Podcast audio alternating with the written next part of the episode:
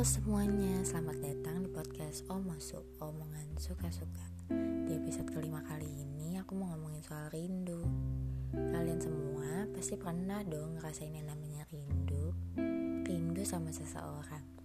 Seseorang yang paling banyak menghabiskan waktu sama kita. Orang yang selalu ada untuk kita. Mau mendengarkan kita dan melakukan banyak hal bersama. Seolah hari-hari berjalan dengan Ya kita tahu kalau kita nggak selalu senang. Tapi di saat kita lagi nggak baik-baik aja Dia juga ada. Ada untuk nemenin kita. Sampai akhirnya Waktu yang berjalan Takdir yang gak berpihak sama kita Buat kita harus terpisah. Terpisah sampai kita benar-benar ada saat di mana kita rindu akan itu. Tapi pernah gak sih terlintas di pikiran kalian? Kalau rindu yang kita rasain itu bukan rindu sama orangnya Tapi kita rindu sama ceritanya Rindu sama kenangannya. Kita gak pernah benar-benar rindu sama orang itu Tapi kita rindu gimana hubungan yang dulu bisa berjalan semembahagiakan itu.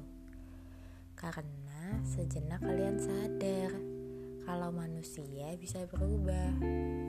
Apa yang kita temuin dulu gak bisa selalu sama kayak apa yang kita temuin sekarang. Kita gak pernah tahu seberapa banyak hal yang dilalui seseorang. Kita gak tahu mereka berproses sejauh apa sampai kita ngerasa kalau dia bukan dia yang kita kenal.